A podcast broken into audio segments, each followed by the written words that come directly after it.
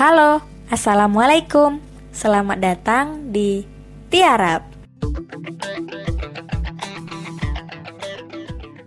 Oke, kita kembali lagi bersama Muhammad Taufik Firdaus. Taufik? Siap. Daus, kita tadi udah bahas nih bagaimana apa namanya tentang organisasi apa bedanya organisasi eksternal dan internal dan manfaat organisasi bagi kehidupan mahasiswa itu apa gitu kan.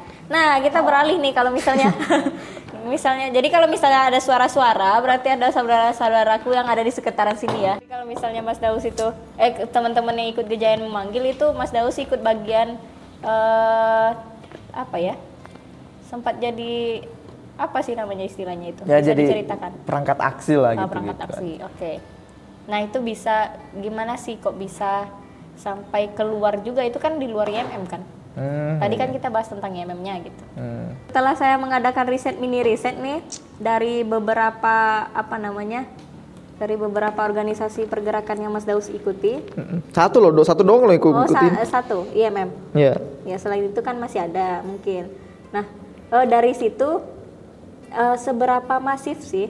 Kenapa akhir-akhir ini sering mm, muncul lagi? eh, bukan muncul lagi sih, bukan bangkit kembali juga. Nah gimana tuh istilahnya kok bisa apa namanya rakyat tuh bergerak lagi gitu? Oh gitu ya. Ini pertanyaan yang sangat serius ini. Iya. Pertama gini. Ini dimulai sejak uh, kalau di Jogja misal Hmm. ataupun kalau kalau setahun dua tahun ini uh, kita selalu di highlight dengan aksi-aksi yang besar gitu. Ya. Aksi-aksi dua tahun terakhir ini tahun 2019, 2020 ini di Hmm. Jogja berkali-kali melakukan aksi yang demonstrasinya mempunyai kuantitas yang besar gitu Dan di kota-kota lain ya? dan di kota-kota yang lain juga mengikut gitu. Nah, artinya kan ada kesamaan paradigma, ada kesamaan keresahan juga, ada keresahan emosional melihat bagaimana perkembangan politik ataupun perkembangan demokrasi di Indonesia di era rezim eh, Jokowi hari ini gitu. Presiden hari ini. Cuman eh, gerakan-gerakan sebelumnya itu pun juga kita tidak bisa menafikan gitu Hmm. sebagai juga sub eh, pembantu ataupun sub pendukung terwujudnya gerakan-gerakan yang semakin hari semakin besar gitu. Mm-mm. Karena keti- ketika gerakan-gerakan eh, yang dulu itu tidak ada, kemungkinan juga gerakan-gerakan yang hari ini ada itu juga tidak bisa semaksimal seperti yang kemarin yang telah berlangsung gitu.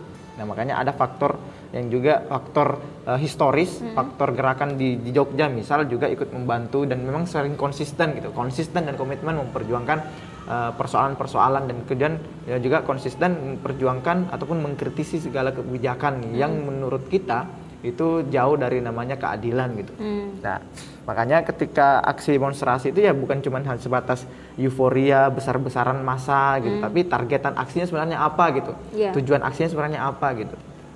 Nah, sepanjang 2019 misal kemarin reformasi di korupsi itu eh, di highlight di permukaan eh, demokrasi kita gitu. Itu sebagai bentuk eh, kritik bahwa bagaimana banyak eh, banyak apa istilahnya banyak yang dihapuskan ataupun juga banyak yang dilihat dan dinilai bahwa pemerintah ini mengkhianati semangat dari reformasi di 98 gitu. Termasuk lembaga yang di, dibentuk pasca reformasi yaitu eh, lembaga KPK yang kemudian dalam perjalanannya berdirinya RPK sampai tahun KPK. kemarin itu sudah banyak eh, memberikan kontribusi nyata menyelamatkan kekayaan negara yang ingin dirampok oleh tikus-tikus pejabat eh, pejabat kantor itu gitu. Banyak juga yang ditangkap dan tidak jarang itu adalah elit, elit eh, negara yang selalu tampil di layar TV dengan slogan agama pun juga ada, dengan slogan kerakyatan pun juga ada, tapi ujungnya adalah korupsi. Nah, itulah salah satu bentuk kontribusi dari KPK dan kemudian dinilai pas eh, eh, revisi KPK ini dinilai bahwa undang-undang ini akan menghabisi KPK dalam bentuknya dalam bentuk nyatanya itu tidak lagi bisa menggembosi eh, korupsi yang ada di Indonesia. Tidak lagi bisa seperti sedia kala gitu. Tidak seperti lagi seperti sejak dulu yang ketika kita inginkan akan adanya penghapusan KKN itu kan. Hmm. kan kita berbalik ini.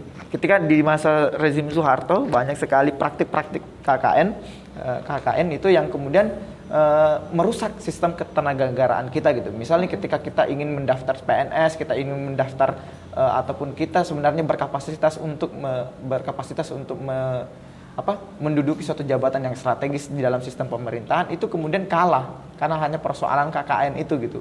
Nah, kemudian akhirnya uh, digantikan dengan kita menginginkan adanya birokrasi yang sehat gitu. Hmm. makanya aman konstitusi menginginkan birokrasi yang sehat. Tapi kemudian di tahun 2019 bukan hanya KPK tapi banyak undang-undang yang mau dilegalkan dan kemudian diisinyalir sebagai undang-undang titipan gitu. Kemarin kan sebenarnya undang sebelum omnibus law ada undang-undang uh, apa uh, undang-undang lingkungan hidup atau undang-undang minerba gitu. Undang-undang hmm. minerba, undang-undang minerba yang mau diubah gitu yang mau diubah yang itu sebenarnya undang-undang minerba sebelum disahkan kemarin dan kemudian juga sebagai pembahasan omnibus law su sudah sejak lama mau diubah uh, rezim Jokowi hmm. di sepanjang di tahun 2019 itu tapi baru kemudian berkesempatan karena meloloskan uh, undang-undang minerba pun juga uh, dilihat tidak mempunyai transparansi karena di masa pandemi orang lagi berjibaku untuk uh, melakukan solidaritas kemanusiaan malah justru uh, elit-elit negara mempertontonkan proses uh, dehumanisasi tidak sama sekali memikirkan bagaimana perasaan dari uh, apa tenaga kesehatan hmm. dari gar apa uh, komunitas-komunitas ataupun LSM-LSM yang fokus terhadap pandemi gitu nah maka dari situlah kemudian kita merasa bahwa karena juga sejak pilpres kemarin pasca pilpres 2019 uh, oposisi hmm. ataupun juga yang dikatakan sebagai uh, apa istilahnya sebagai dalam politik itu kalau ada petahana ya ada oposisi gitu tidak lagi men, tidak lagi uh, memiliki perbedaan yang nyata gitu tapi malah menjadi uh, menjadi satu kesatuan dan berjibaku untuk meloloskan ataupun selalu mempunyai kepentingan yang bersama gitu apalagi ketika elit-elit uh, ini ditopang oleh uh, birokrat birokrat uh, partai ataupun juga ditopang oleh pemodal-pemodal perusahaan gitu. Mm -hmm. Makanya muncullah istilah oligarki gitu. Istilah oligarki kan di sini bahwa kekayaan itu ataupun kebijakan ataupun sistem yang yang dikeluarkan itu hanya kepentingannya hanya kepentingan orang-orang itu aja gitu. Menguntungkan beberapa Menguntungkan orang. beberapa beberapa orang itu aja dan sistem ekonominya itu akan berputar di orang-orang itu aja gitu. Mm -hmm. Nah, hingga akhirnya kita berani uh, mengangkat highlight itu mosi tidak percaya gitu. Hmm. Ini kan mosi, sebenarnya mosi tidak percaya sudah sejak amas digaung-gaungkan gitu. Dari zamannya Gus Dur pun juga pernah ada mosi tidak percaya tapi dalam konteks yang berbeda. Cuman mosi tidak percaya ini kita jadikan sebagai imajinasi politik sebagai antitesis gitu, perlawanan bahwa kita sehari ini tidak percaya lagi akan adanya suatu rezim Jokowi Ma'ruf Amin dengan teteh bengeknya itu menteri-menteri dan segala macam dengan struktur pemerintahnya dari atas sampai bawah karena kita melihat bahwa sistem ini ataupun penguasa hari ini tidak jauh dari praktik uh, korupsi gitu. Korupsi. Berarti demokrasi saat ini uh, tidak tidak semestinya demokrasi yang sebenarnya gitu. Berarti makanya uh, berujung pada uh, bawah itu tetap menuntut haknya gitu ya. Betul, karena demokrasi apa yang dikatakan kalau kita melakukan tweet di Twitter, kita hmm. melakukan apa menuliskan status di Facebook itu kemudian dipidanakan gitu. Hmm. Eh, kebebasan Undang -undang ITE. Uh, kebebasan apa yang dimaksud ketika kita menyuarakan uh, kritik di jalanan tapi langsung diciduk habis aksi gitu. Kebebasan hmm. apa yang di uh, diminta yang di apa yang diperlihatkan kalau kita dalam suatu forum diskusi kita malah uh, digagalkan ataupun dijaga oleh aparat militer hingga beberapa kasus misal ada forum-forum diskusi yang dilakukan di kampus batal gitu. Itu kan malah hmm. mengancam kebebasan akademik. Padahal hmm. akademik atau forum kampus itu menjadi garda intelektual pertama gitu. Melihat bagaimana sisi objektifnya sisi demokrasi kita gitu.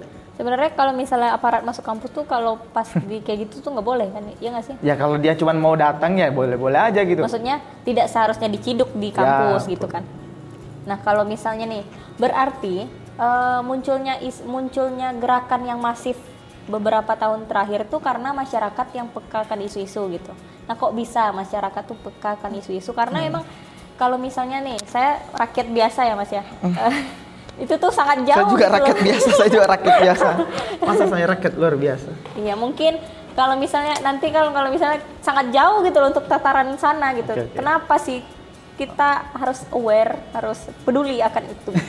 di era modern di era digital yang serba uh, arus informasinya masuk entah itu palsu entah itu benar ataupun enggak secara tidak sadar ataupun secara tidak langsung juga membuat masyarakat itu cerdas gitu Oke. dalam beberapa sisi gitu Saya sepakat untuk itu. tapi kan dalam beberapa sisi yang lainnya banyak juga yang uh, termakan hoax gitu Oh, termakan arus-arus yang memang sengaja disetting untuk melakukan penyesatan gitu penyesatan Karena publik sifat internet itu eh, ya apa menyasar ke mana-mana pun Ya. nggak nggak bisa dibedain antara Betul. pengirim dengan penerima. Jadi kadang siapa pun bisa Betul. Mengirimkan sesuatu di internet karena dia modalnya minim kan di situ gitu. Kalau misalnya Hmm. Apalagi kita bagi internet apa, lagi gitu. lemah secara literasi Nah, gitu. itu.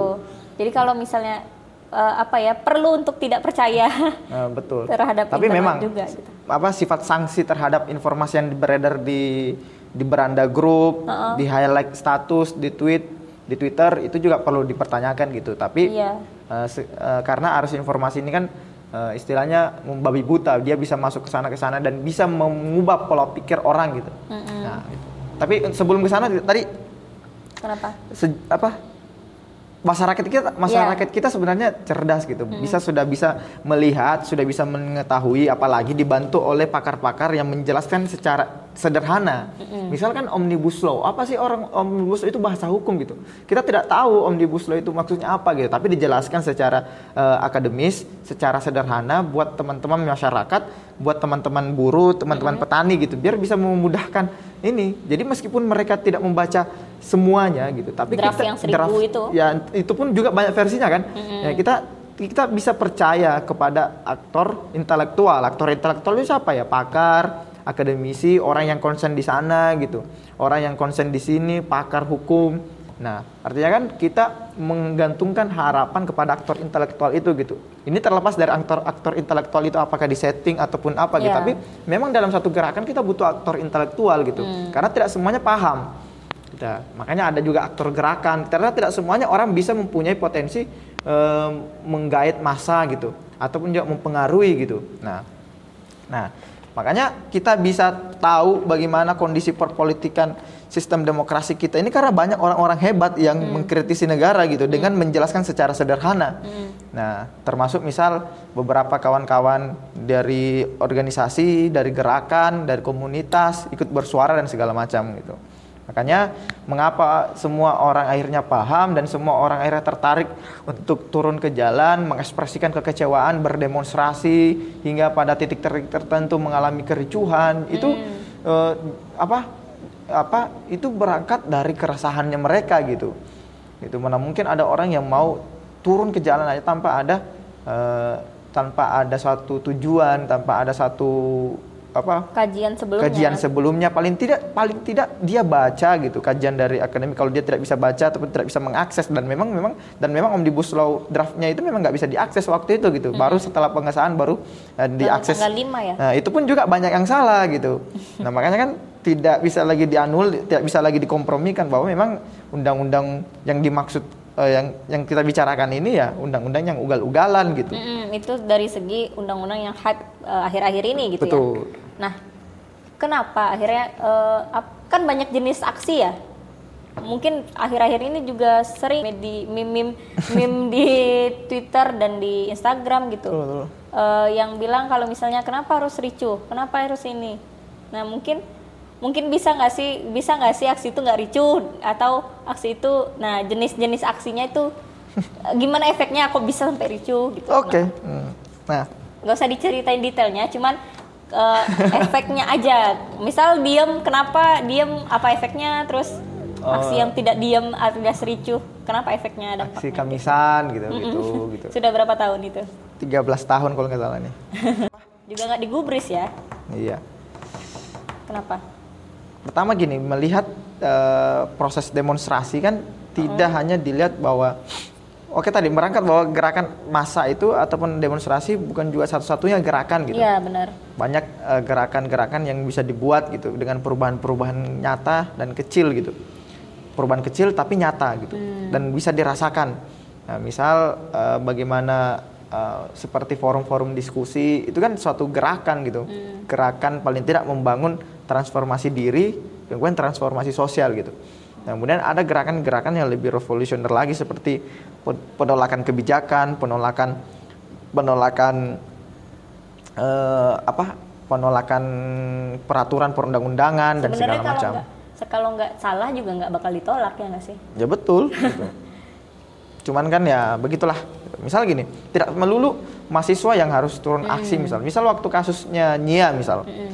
Ya kan yang menjadi poin apa yang menjadi aktor intelektualnya di sana kan adalah masyarakatnya itu sendiri gitu. Hmm. Mereka lah yang paling merasakan, mereka lah yang paling mengetahui bagaimana dampak dari pembangunan uh, bandara, bagaimana hmm. merasakan bagaimana dampak pergusuran yang nyata gitu, yang mereka hadapi gitu. Mahasiswa sebagai uh, apa suplemen tambahan dari gerakan pada waktu itu ya cuman cukup untuk membantu gitu, hmm. membantu dari proses-proses gerakan yang hadir di sana gitu. Hmm. Karena kan salah satu juga uh, potensi kemenangan kita bisa terwujud adalah kekuatan massa gitu. Hmm. Kekuatan massa bisa militan, bisa juga dilihat dari kuantitas. Hmm. Nah, karena kita sudah mempunyai syarat militansi, tapi kalau kita cuma 10 orang misal berhadapan dengan berbagai macam aparat di depan kita dengan full uh, perlengkapan kita akan kalah gitu. Makanya hmm. salah satu uh, apa istilahnya kemewahan dari gerakannya adalah kuantitas itu sendiri gitu. Hmm. Harus dimiliki lah syarat-syaratnya itu. Salutnya nah. sekarang itu masyarakat pun nggak pakai misalnya mahasiswa nih tidak apa beberapa kampus mungkin tidak mengizinkan untuk turun, hmm. tapi dia tetap bisa turun gitu. Maksudnya uh, pembangkangannya juga ya, gitu. Salutnya sekarang tuh sipil tuh ibaratnya sipil ya rakyat rakyat tuh udah bisa peka dengan sendirinya gitu. Betul. gitu. Udah banyak banget ya. uh, apa ibaratnya udah bisa menjamur banget lah. Ya, oke. Okay. Pun kita berdiri sendiri juga kita bisa ikut untuk membela hak kita gitu ya. Uh, uh, uh. Nah, makanya itu kan kemarin itu misal tadi kenapa ditanya kenapa aksinya oh. ricu gitu. Iya. Yeah. Nah, di sini kan bisa kita lihat bahwa aksi kan itu bervarian gitu. Yeah, yeah. Aksi itu bervarian, uh. tidak melulu persoalan bilang harus ricu harus dan ricu, segala macam gitu. Hmm, Tapi kadang-kadang memang persoalan ricu itu bisa dijadikan sebagai taktik aksi gitu. Hmm. Gitu. Tapi kan itu tidak bisa dipakai untuk segala tempat dan segala waktu. Cuman hmm. harus ada momentum-momentum yang tepat dan itu pembacanya kuat. Iya. Nah, makanya kan kadang kalau misal teman-teman mau hitung gitu, mau hitung berapa kali aksi ricunya Jogja ya tidak seberapa gitu. Cuman baru kemarin aja sebenarnya yang paling kuat, uh, yang paling rusuh sejak uh, kalau nggak salah di 98 di Gejayan gitu. hmm. gitu. Nah, sejak sampai 98 sampai 2020 kan aksinya teman-teman adalah aksi damai gitu. Aksi-aksi yang tertib mm -mm. gitu. Nah, artinya apa? Berarti dari tahun 2020 dan sampai tahun eh dari tahun 98 sampai tahun 2020 dengan aksi yang tertib dan aksi tahun. Dia itu mm. bisa nilai bahwa tidak memberikan bukan tidak memberikan ya, tapi uh, belum maksimal lah mm. gitu karena penolakan-penolakan ini kan hadir tidak secara instan, tapi kalau kalau kamu perhatian bahwa penolakan omnibus law kalau kita bicara tentang omnibus law ini sudah ada sejak awal tahun gitu. Awal tahun. Awal 2020. 2019. Iya, 2020. Oh. 2020 tepatnya di bulan Maret. Tapi wacana-wacana penolakannya sudah sejak ada waktu uh, pelantikan presiden. Hmm, nah, pelantikan presiden itu kan dia hmm. pertama kali me, apa mengatakan bahwa akan ada omnibus law dan akan dan mau menyelesaikan dalam 100 hari kerja DPR gitu. Yeah. Nah, makanya itu kan dilihat bahwa uh, dilihat dari itu penolakan-penolakan itu hadir dengan berbagai macam cara dari diskusi-diskusi perlawanan, dari gerakan-gerakan kecil menolak omnibus law dan segala macam gitu. Hingga akhirnya omnibus law tetap disahkan gitu. Dalam pandangan saya yang sangat terbatas ini mungkin ada sedikit kekecewaan yang bertumpuk gitu, akumulasi kekecewaan, akumulasi kemarahan, akumulasi keresahan gitu. Karena sepanjang tahun ini kita diperlihatkan, kemudian di selama pandemi banyak sekali banyak undang-undang yang diloloskan gitu, banyak termasuk undang-undang minerba hmm. yang luput dari uh, pantauan publik. Padahal pengesahan undang-undang harusnya transparansi dan kemudian diikut sertakan oleh pandangan publik gitu. Ini tidak sama sekali gitu. Termasuk undang-undang MK, undang-undang MK yang hanya direvisi dalam tujuh hari tujuh malam gitu. Mm-hmm. Nah ini kan juga sangat disinyalir bahwa banyaknya kepentingan-kepentingan yang masuk tanpa pengetahuan publik gitu. Nah, tapi ketika mereka ditanya apa maksudnya ini, mereka selalu mengelak, mengelak dan segala macam. Tapi faktanya selalu seperti ini dan segala macam gitu. Hmm. Banyak pakar yang sudah berstatement dan segala macam. Makanya kemarin banyak titik-titik api di seluruh Indonesia. Mungkin pandangan terbatas saya, saya melihat bahwa ini sudah mencapai titik klimaks gitu, hmm. titik kemarahan, titik nadir gitu dari pergerakan dari teman-teman. Meskipun ini bukanlah akhir gitu, meskipun ini bukanlah akhir gitu. Oke, selain itu kayaknya Mas Daus uh, lebih ke media sih misalnya uh, bagaimana kampanye media untuk mengkomunikasikan itu gitu Betul. dipantau terakhir kalau misalnya dari eh, dari twitternya Mas Daus itu tanggal 6 ya saya terakhir terakhir muncul di timeline saya itu tanggal 6 November ya November kan bulan ini 6 November itu uh, Mas Daus setelah setelah disahkan itu ada beberapa screenshotan dari Watchdog ya. Kayak kalau nggak salah di, dari Watchdog yang yang dihimpun di satu status gitu. Terus akhirnya yang saya ingat waktu itu ada 922 likes ada 232 retweet. Itu itu saya ingat loh mas. Oh oke okay. semua orang peka akan ini gitu loh. Maksudnya itu tuh kan emang jadi sifatnya media gitu media baru terutama. Betul betul. Yang jadi menyatukan beberapa apa ya beberapa argumen ya. semestinya sifatnya seperti itu gitu. Okay. nah itu kan 922 saya tanyain dulu nih itu apakah buzzer atau atau orang yang campur-campur oh campur. Berarti campur, ada buzzernya juga yang nge-like? Ada mungkin gitu. Ada mungkin. Mungkin ada di komentar ada, juga ada ada. 232 likes eh 302 232 retweet loh. Hmm. Saya lihat aja tapi nggak saya retweet. Kenapa anda nggak retweet? itu alasan lain. Saya nggak pantau aja. Tahu gini, pertama kan kita tadi sebut sebagai gerakan media gitu. Iya, itu itu sangat-sangat masif sih maksudnya. Ya. Hamin satu pun uh, pamflet untuk aksi massa di, di disebarkan itu juga waduh ribuan dari dari bundaran UGM sampai Gejayan gitu kalau misalnya betul. aksi tahun lalu kan. Iya itu sangat hamin satu loh ya, nge-share-nya. belum lagi gerakan hashtag gitu nah, kan. gerakan hashtag. Maksudnya semasif apa? Maksudnya media tuh sangat sangat luar biasa sekarang. Betul, iya betul. Makanya tadi sejak awal kita kan harus mengatakan bahwa organisasi kita harus bertransformasi juga gitu, hmm. harus membenahi diri gitu, harus tahu cara bagaimana melawan uh, praktik praktik-praktik ketidakadilan dengan cara-cara yang lebih modern gitu, termasuk bagaimana mengkampanyekan isu-isu dengan media-media uh, media-media kita atau hmm. media-media anti mainstream lainnya gitu. Karena misal gini, karena produk media hari ini karena telah uh, terlanjur dikuasai oleh elit-elit negara, korporasi yang mempunyai banyak kepentingan dengan negara, mm-hmm. uh, makanya jarang sekali menampilkan adanya kritik yang radikal gitu mm. terhadap uh, pemerintah. Padahal satu sisi sebenarnya media kan harus memberikan objek uh, yang ini, mm. yang yang objektif gitu. Yeah. Di satu sisi dia juga harus berpihak kepada rakyat gitu. Dia juga dia harus menjaga jarak dengan kekuasaan. Itu. Dia harus menjaga jarak dengan kekuasaan agar tidak mau diintervensi hmm. gitu kan. Hmm. Makanya kan orang lebih senang melihat narasi yang punyanya Mbak Nana gitu. Yeah. Karena penampilannya lebih modern, uh, apa ditampilkan dengan gaya-gaya yang lebih khas milenial gitu. Hmm tidak hanya sebatas pembawa acara, itu pun juga beritanya berita kadang-kadang tidak perlu didengarkan gitu. Kita bisa cari sendiri gitu. Ya, Tapi kan benar. kan apa yang ditampilkan narasi misal membongkar uh, kejahatan terstruktur kejahatan. gitu, kejahatan terstruktur dengan pendekatan teknologi bagaimana ya. dia men-search uh, pencarian dari TikTok, dari Instagram gitu gitu-gitu kan.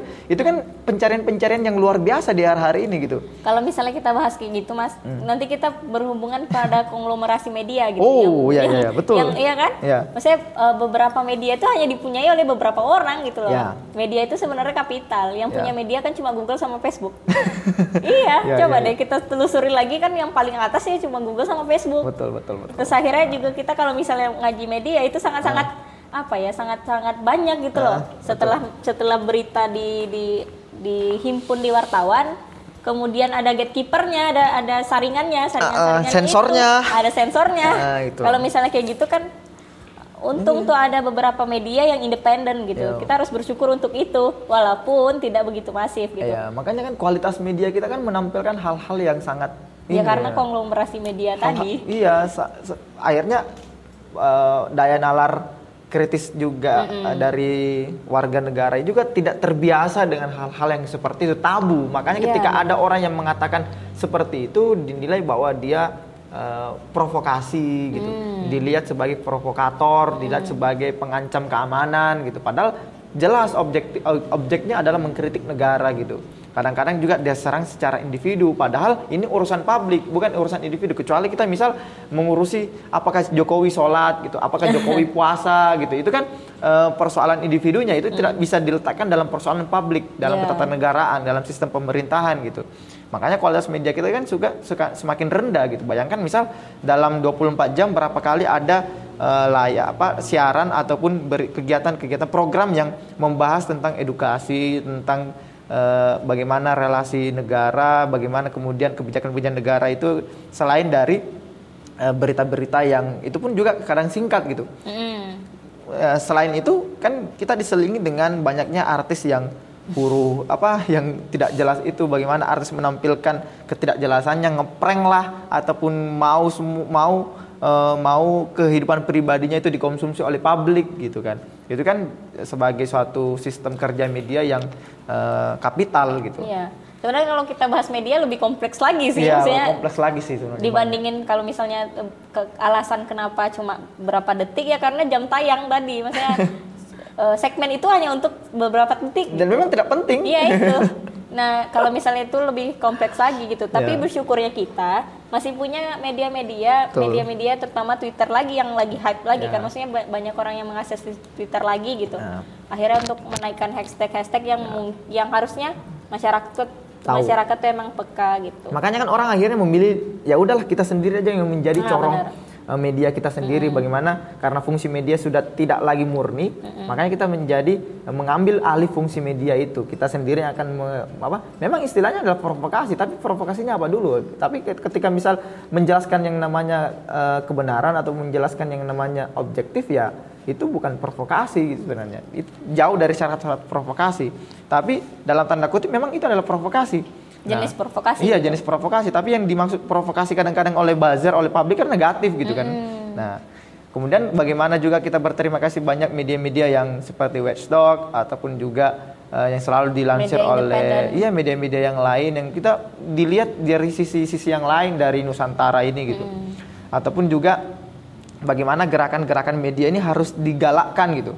Harus digalakkan dengan cara bahwa kita harus lebih modern lagi gitu. Misal bagaimana kemarin kan waktu penolakan Omnibus Law bahkan eh, aplikasi TikTok pun yang sering dipakai joget-joget buat milenial pun dijadikan sebagai alat propaganda Informasi, gitu, oh. alat informasi gitu. Bahkan eh, ada satu eh, apa satu TikTok yang kemudian mencuri banyak perhatian yaitu simpanan-simpanan DPR gitu. Itu kan Hmm. sempat viral banget itu kan. Kalau tidak sampai dibatalkan maka saya akan bongkar informasinya Oh, oh, itu kan juga sebagai bentuk Saya nggak lihat sih itu. Kok nggak lihat? Aduh, coba. Iya. Tapi itu trending di Twitter dalam gitu. beberapa hari gitu. Karena ini menjelaskan bahwa penting bagaimana eh, media Hmm. yang kadang-kadang itu sebagai apa yang tidak lagi menjadi media yang yang enaknya menjadi media independen yang punya kita ini ya enaknya ya kita bisa mengakses ataupun kita juga bisa eh, Menyalurkan menyalurkan informasi. sesuai dengan apa yang kita inginkan gitu. Tapi ya kadang-kadang juga harus dibatasi gitu. Jangan Iya. sampai blunder, jangan sampai dijadikan sebagai eh, hal-hal yang tidak diinginkan malah menjadi eh, pisau buat diri kita sendiri gitu. Salah satu apa ya kritiknya itu yaitu media se- media itu sebenarnya eh, apa pun yang kita isi di media itu harus berimbang gitu. Jadi nggak berat sebelah gitu. Ya, betul. Untuk pesannya Mas Daus untuk ke gerakan sekarang ataupun untuk masyarakat untuk peduli sekitar mungkin dan harus apa sih gerakan yang semestinya kita lakukan misal ada gerakan kecil yang harus kita lakukan Oke. atau bagaimana gitu Nah, pertama gerakan yang paling kecil yang paling selemah-lemahnya Atau tidak iman ya. gitu. Selemah-lemahnya iman ya seperti ini gitu. apa Ya diskusi dua arah, kemudian di di share atau dipub- dipublikasi ke masyarakat ke halayak umum agar cerita-cerita yang seperti ini bukan saya maksudnya tapi yang lain mungkin yang agak Iya. lebih inspiratif itu bisa diterima ataupun Ini cukup inspira- Oh, cukup sangat-sangat inspiratif ini? inspiratif Oh, kok ini. terima kasih tapi ini jauh dari kata inspiratif sih Maksudnya eh, membuka wawasan Oh, oh, ternyata gitu ya. ada ada isu yang harus kita kuasai atau ada isu yang harus kita sebenarnya harus kita tahu gitu. Nah itu, jadi memperbanyak sebenarnya agenda-agenda yang istilahnya mempunyai eh, produk eh, yang lebih baik dan kemudian agenda-agenda transformasi bahwa perubahan ilmu-ilmu yang kayak gitu sekarang gitu. Nah makanya selalu menggiatkan gerakan-gerakan bahkan sampai gerakan-gerakan kecil apa pun kita nilai sebagai gerakan-gerakan perubahan nyata. Bukannya sebatas aksi gitu. Aksi kan hanya sebatas salah satu gitu. Dan ketika di era-era milenial itu pun juga harus dibarengi dengan gerakan-gerakan media. Makanya kan sangat gencar misalnya gerakan hashtag karena mengakuisisi informasi publik kan juga harus berbarengan gitu. Karena ketika kita misal eh, mengakuisisi eh, media massa dengan cara mentrendingkan eh, propaganda kita kan akhirnya semua halayak yang belum tahu tahu gitu. Halayak yang belum mengerti mengerti gitu. Adapun ajakan yang lain eh, dia bisa ikut serta gitu.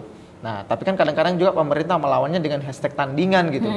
Menyewa influencer yang banyak followers menyewa eh, apa apa eh, kumpulan-kumpulan ataupun orang-orang yang eh, memang hebat di dalam bidangnya tapi kontennya semua hampir sama gitu kan itu kan kerja-kerja yang harus kita lawan kalau kita tidak seperti itu maka kita yang yang digembosin terus menerus gitu Pikirannya harus panjang dulu ya. Ya, pikirannya harus panjang. Pikir masa depan, bagaimana kondisi eh, misal se misalnya sekitar kita akan seperti apa gitu. Hmm. misalnya yang kayak seperti ini podcast misalnya Iya. podcast ini kan juga salah satu bentuk transformasi media di gerakan gitu nah kalau di di organisasi kan organisasi saya kan YMR Farudin juga sudah Sudah punya memulai, podcast sudah ya? mulai podcast nanti Hmm, di sangat hebat loh. nanti di Nanti bisa dipromosikan di sini atau saya yang promosi di sana saya lagi bisa. promosi loh ini Oh iya. Gitu. nanti Jadi bisa gimana? dilihat gitu Uh-uh. jika udah banyak konten-kontennya gitu Namanya apa nih Mas Daus? Islam milenial gitu. Oh, Islam milenial. Oh, Tapi saya tidak perlu Islam menjelaskan Islam milenial nanti malah eh, beda jadi- konteks dengan beda konteks dengan topik apa yang judul yang kita saya nanti jadinya eh, judul yang bombastis tapi isinya nanti Islam milenial kan lain-lain gitu ya. nah, mak- tapi Kita intinya nggak jual judul di sini soalnya. tapi intinya nanti dihapus aja kalau mau. Iya. tapi ini intinya bahwa gerakan kita harus bertransformasi gitu. Hmm. Kita juga harus memikirkan bagaimana strategi-strategi perlawanan yang lebih anggun, eh, yang harus lebih eh, apa sistemik dan terstruktur gitu, dan kemudian tidak gagap terhadap teknologi gitu. Karena ketika kita gagap terhadap teknologi, kita akan tergerus oleh zaman. Kalau enggak, ya kita akan menjadi sampah sejarah gitu. Sampah sejarah serem banget. Ya itu Terbuang aja. berarti. Oke, terima kasih Terbuang. banyak Mas Daus. Terus uh, IG Oh, ada Instagram. nggak ada. Ini baru mau jemput ini. IG nggak Oke. ada. Oke, nggak ada. Uh, uh, jarang. TikTok ada? TikTok nggak ada. Ya paling sering beraktivitas media sosial Facebook dan Twitter. Facebook dan Twitter, Nah. terus di WhatsApp juga. WhatsApp Tapi nggak boleh disebarin ya. nggak boleh disebar. Bahaya. bahaya. Oke, terima kasih Mas Daus. Sampai jumpa. Eh, semoga lancar studinya. Assalamualaikum warahmatullahi wabarakatuh. Waalaikumsalam.